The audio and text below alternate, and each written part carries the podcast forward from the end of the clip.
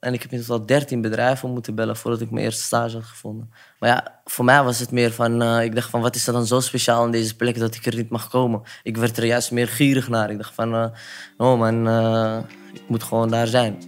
Het belangrijkste is om binnen te komen. Ja. En ik zit er diep in.